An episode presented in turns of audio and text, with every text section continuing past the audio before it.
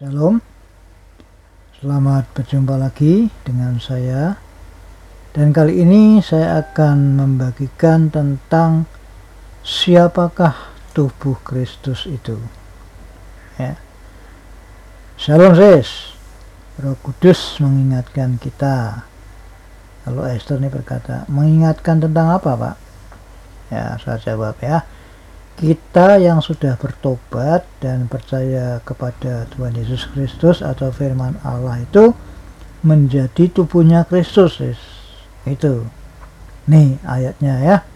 Saya bacakan di 1 Korintus 12 ayat yang ke-27 demikian firman Allah.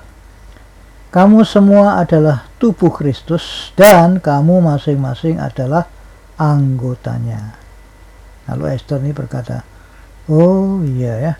Jadi semua orang di seluruh dunia ini yang sudah bertobat dan percaya kepada Alkitab atau Injil atau Yesus itu adalah tubuhnya Tuhan Yesus ya Pak.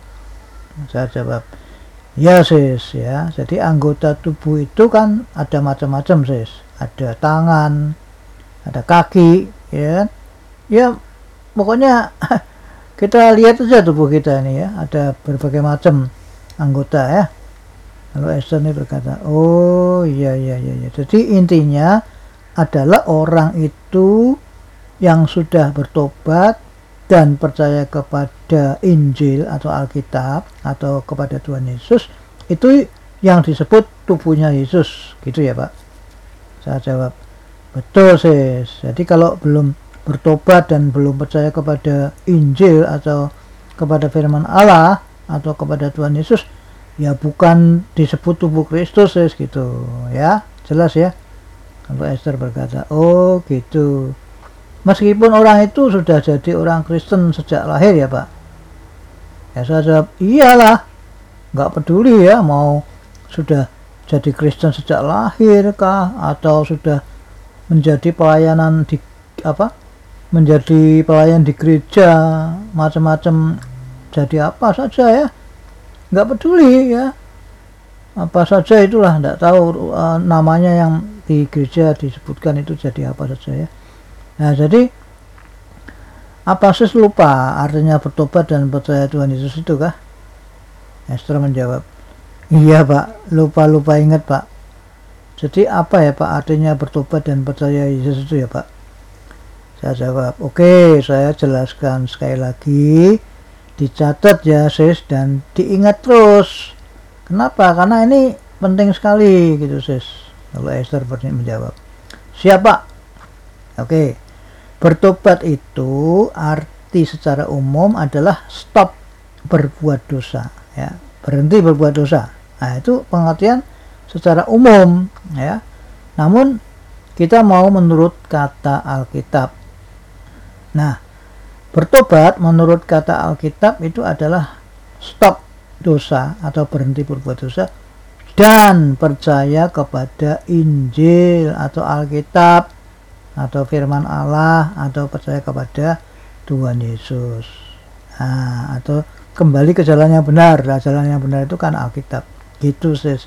Ini ayatnya ya. Markus 1 ayat yang ke-15. Demikian firman Allah katanya nah, ini kata Tuhan Yesus ya kata Tuhan Yesus sendiri. Waktunya telah genap kerajaan Allah sudah dekat. Bertobatlah dan percayalah kepada Injil. Ya jelas kan? Kalau Esther berkata oh iya ya jadi apa uh, tidak cuma berhenti berbuat dosa saja ya Pak ya tapi harus juga percaya atau taat kepada Alkitab atau Injil atau firman Allah ya Pak ya saya jawab, iya betul sih. Jadi kalau orang cuma stop dosa aja, ya, tapi tidak mau percaya atau taat kepada firman Allah atau Injil, ya itu belum bisa disebut bertobat sih. Kan ada tuh di Alkitab, yakni orang yang disuruh bertobat, ya, tapi disuruh mengikuti agamanya. bukan mengikuti Injil atau mentaati firman Allah atau Alkitab saya ada itu. Kalau Esther berkata oh ada toh Pak? Di mana ya Pak itu Pak? Nah saya jawab nah ini ya Matius 23 ayat yang ke 15 ya saya bacakan ya. Celakalah kamu hai ahli-ahli Taurat dan orang-orang Farisi.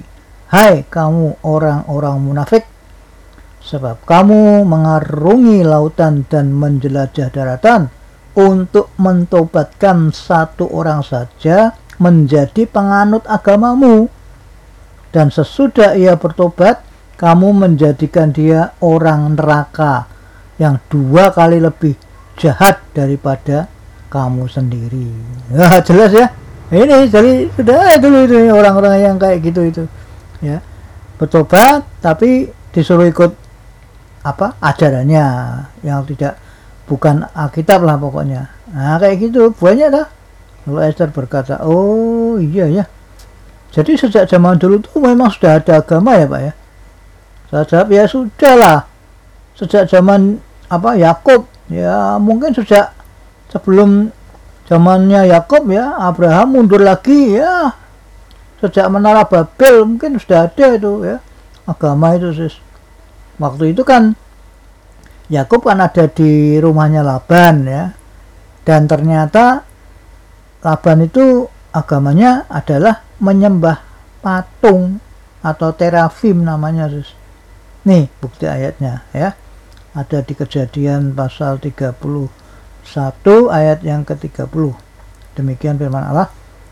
Maka sekarang ya, kalau memang engkau harus pergi semata-mata karena sangat rindu ke tan rumah ayahmu, mengapa engkau mencuri dewa-dewaku? Wah, perhatikan itu ya.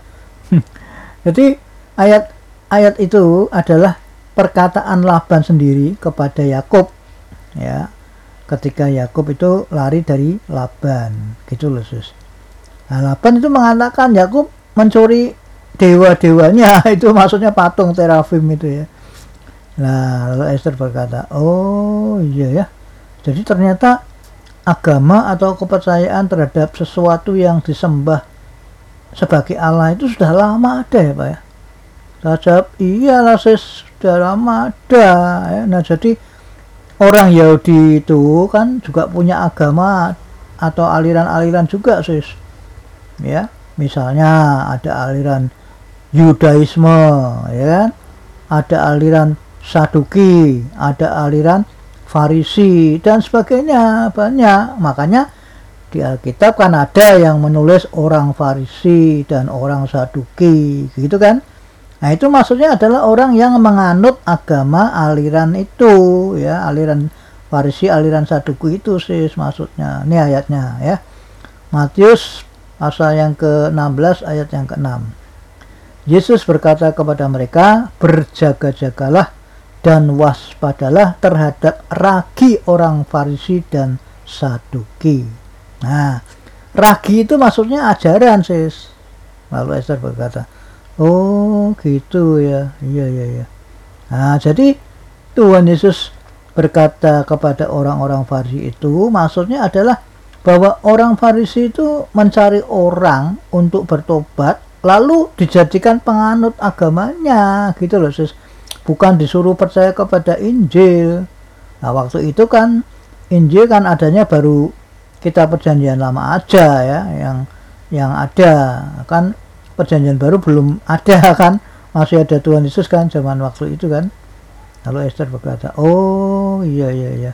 Jadi orang Farisi itu punya agama sendiri ya Pak ya.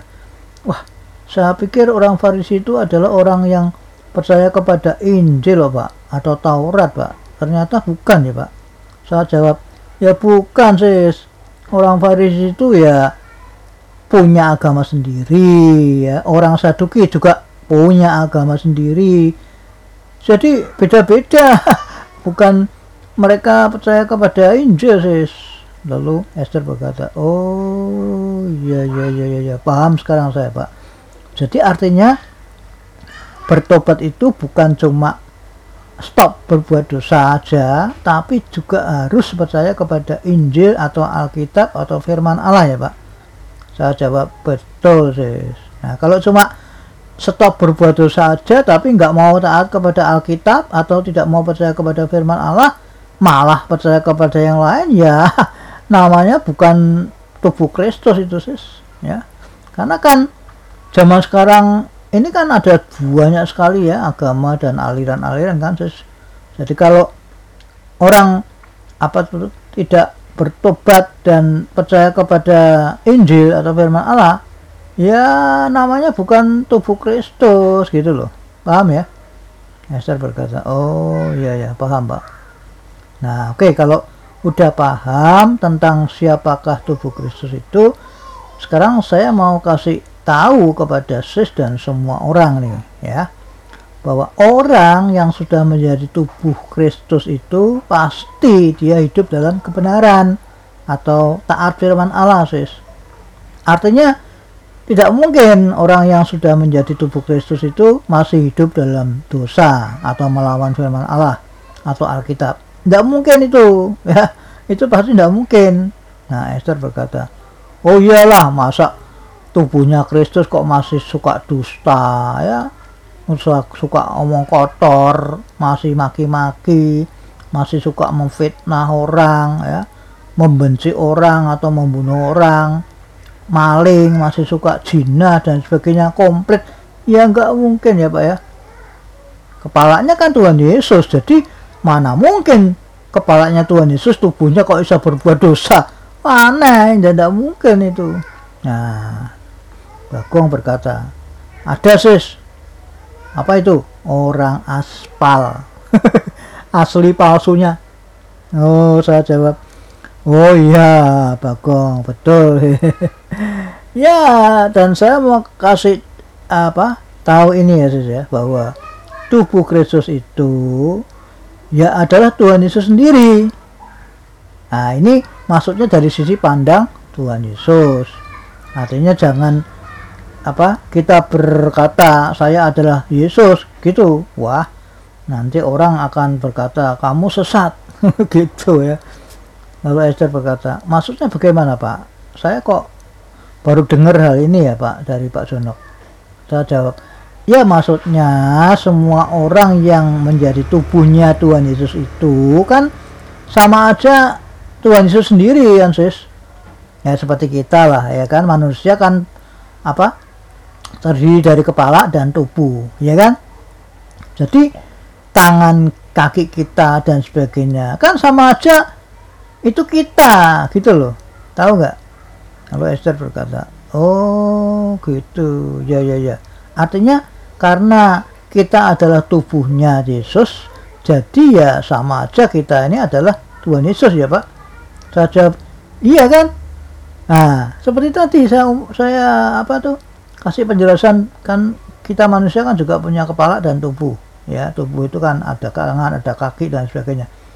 Nah apakah tangan kita ini bukan kita?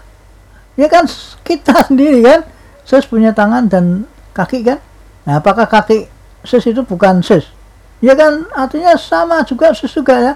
Tapi kan tubuhnya kalau usus secara utuh kan sis itu ada kepala dan tubuh gitu loh. Paham ya nah cuma sekali lagi jangan berkata kepada orang lain bahwa sis ini adalah Yesus. Wah pasti sis nanti langsung dikatakan sesat ya bagi orang yang tidak bisa memahami kebenaran toh. Nah jadi kita semua orang itu artinya kita semua orang yang sudah bertobat dan percaya Yesus itu adalah tubuhnya Kristus, milik Kristus, ya gitu loh sis. Nah dari sisi pandang Kristus kita ini orang percaya ini adalah dirinya sendiri, paham tidak ini?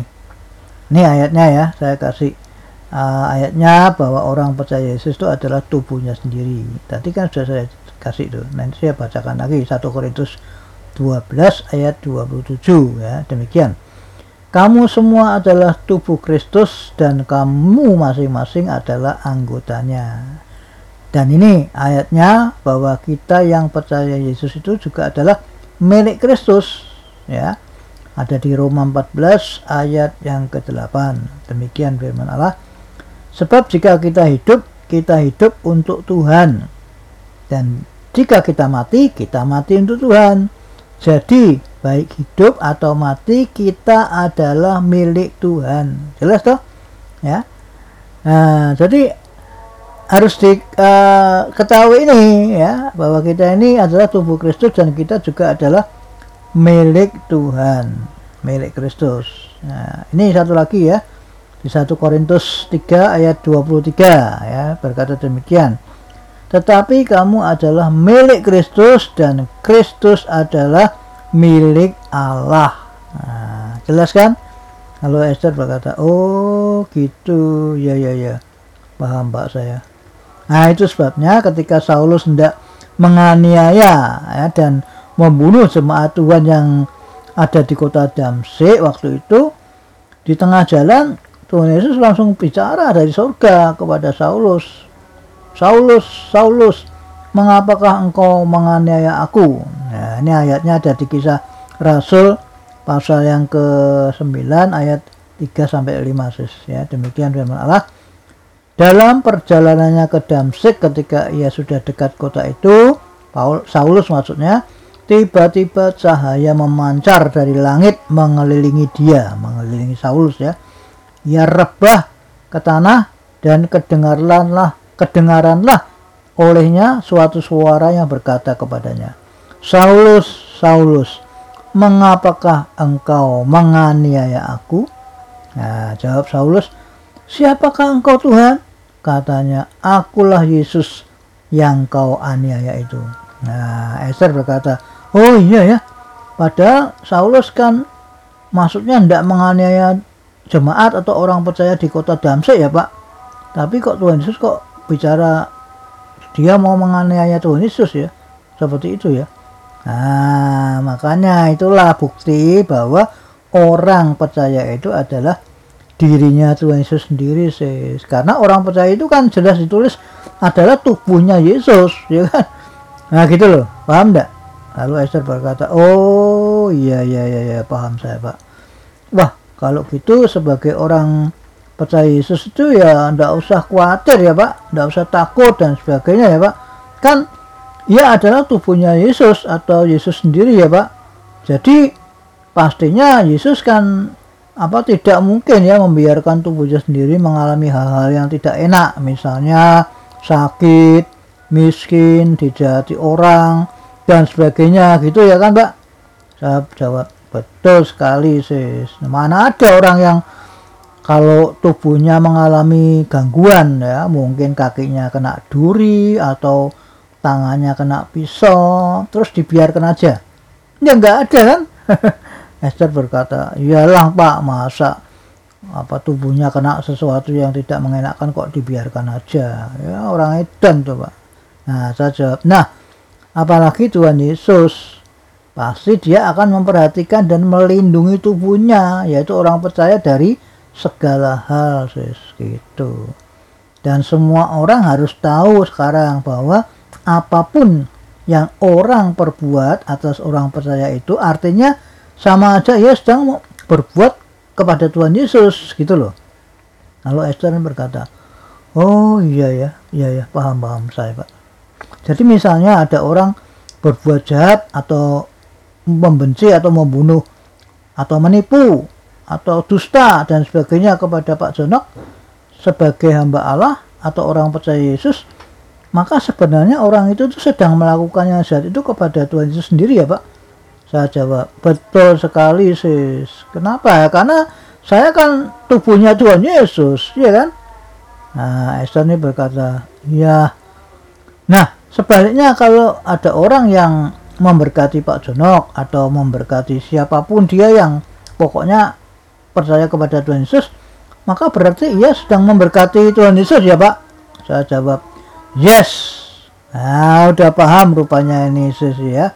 Puji Tuhan Yesus. Lalu Esther berkata, ya Pak, wah, saya baru tahu ya Pak, mata rohani saya terbuka sekarang Pak, setelah Pak sudah jelaskan tentang siapakah tubuh Kristus itu.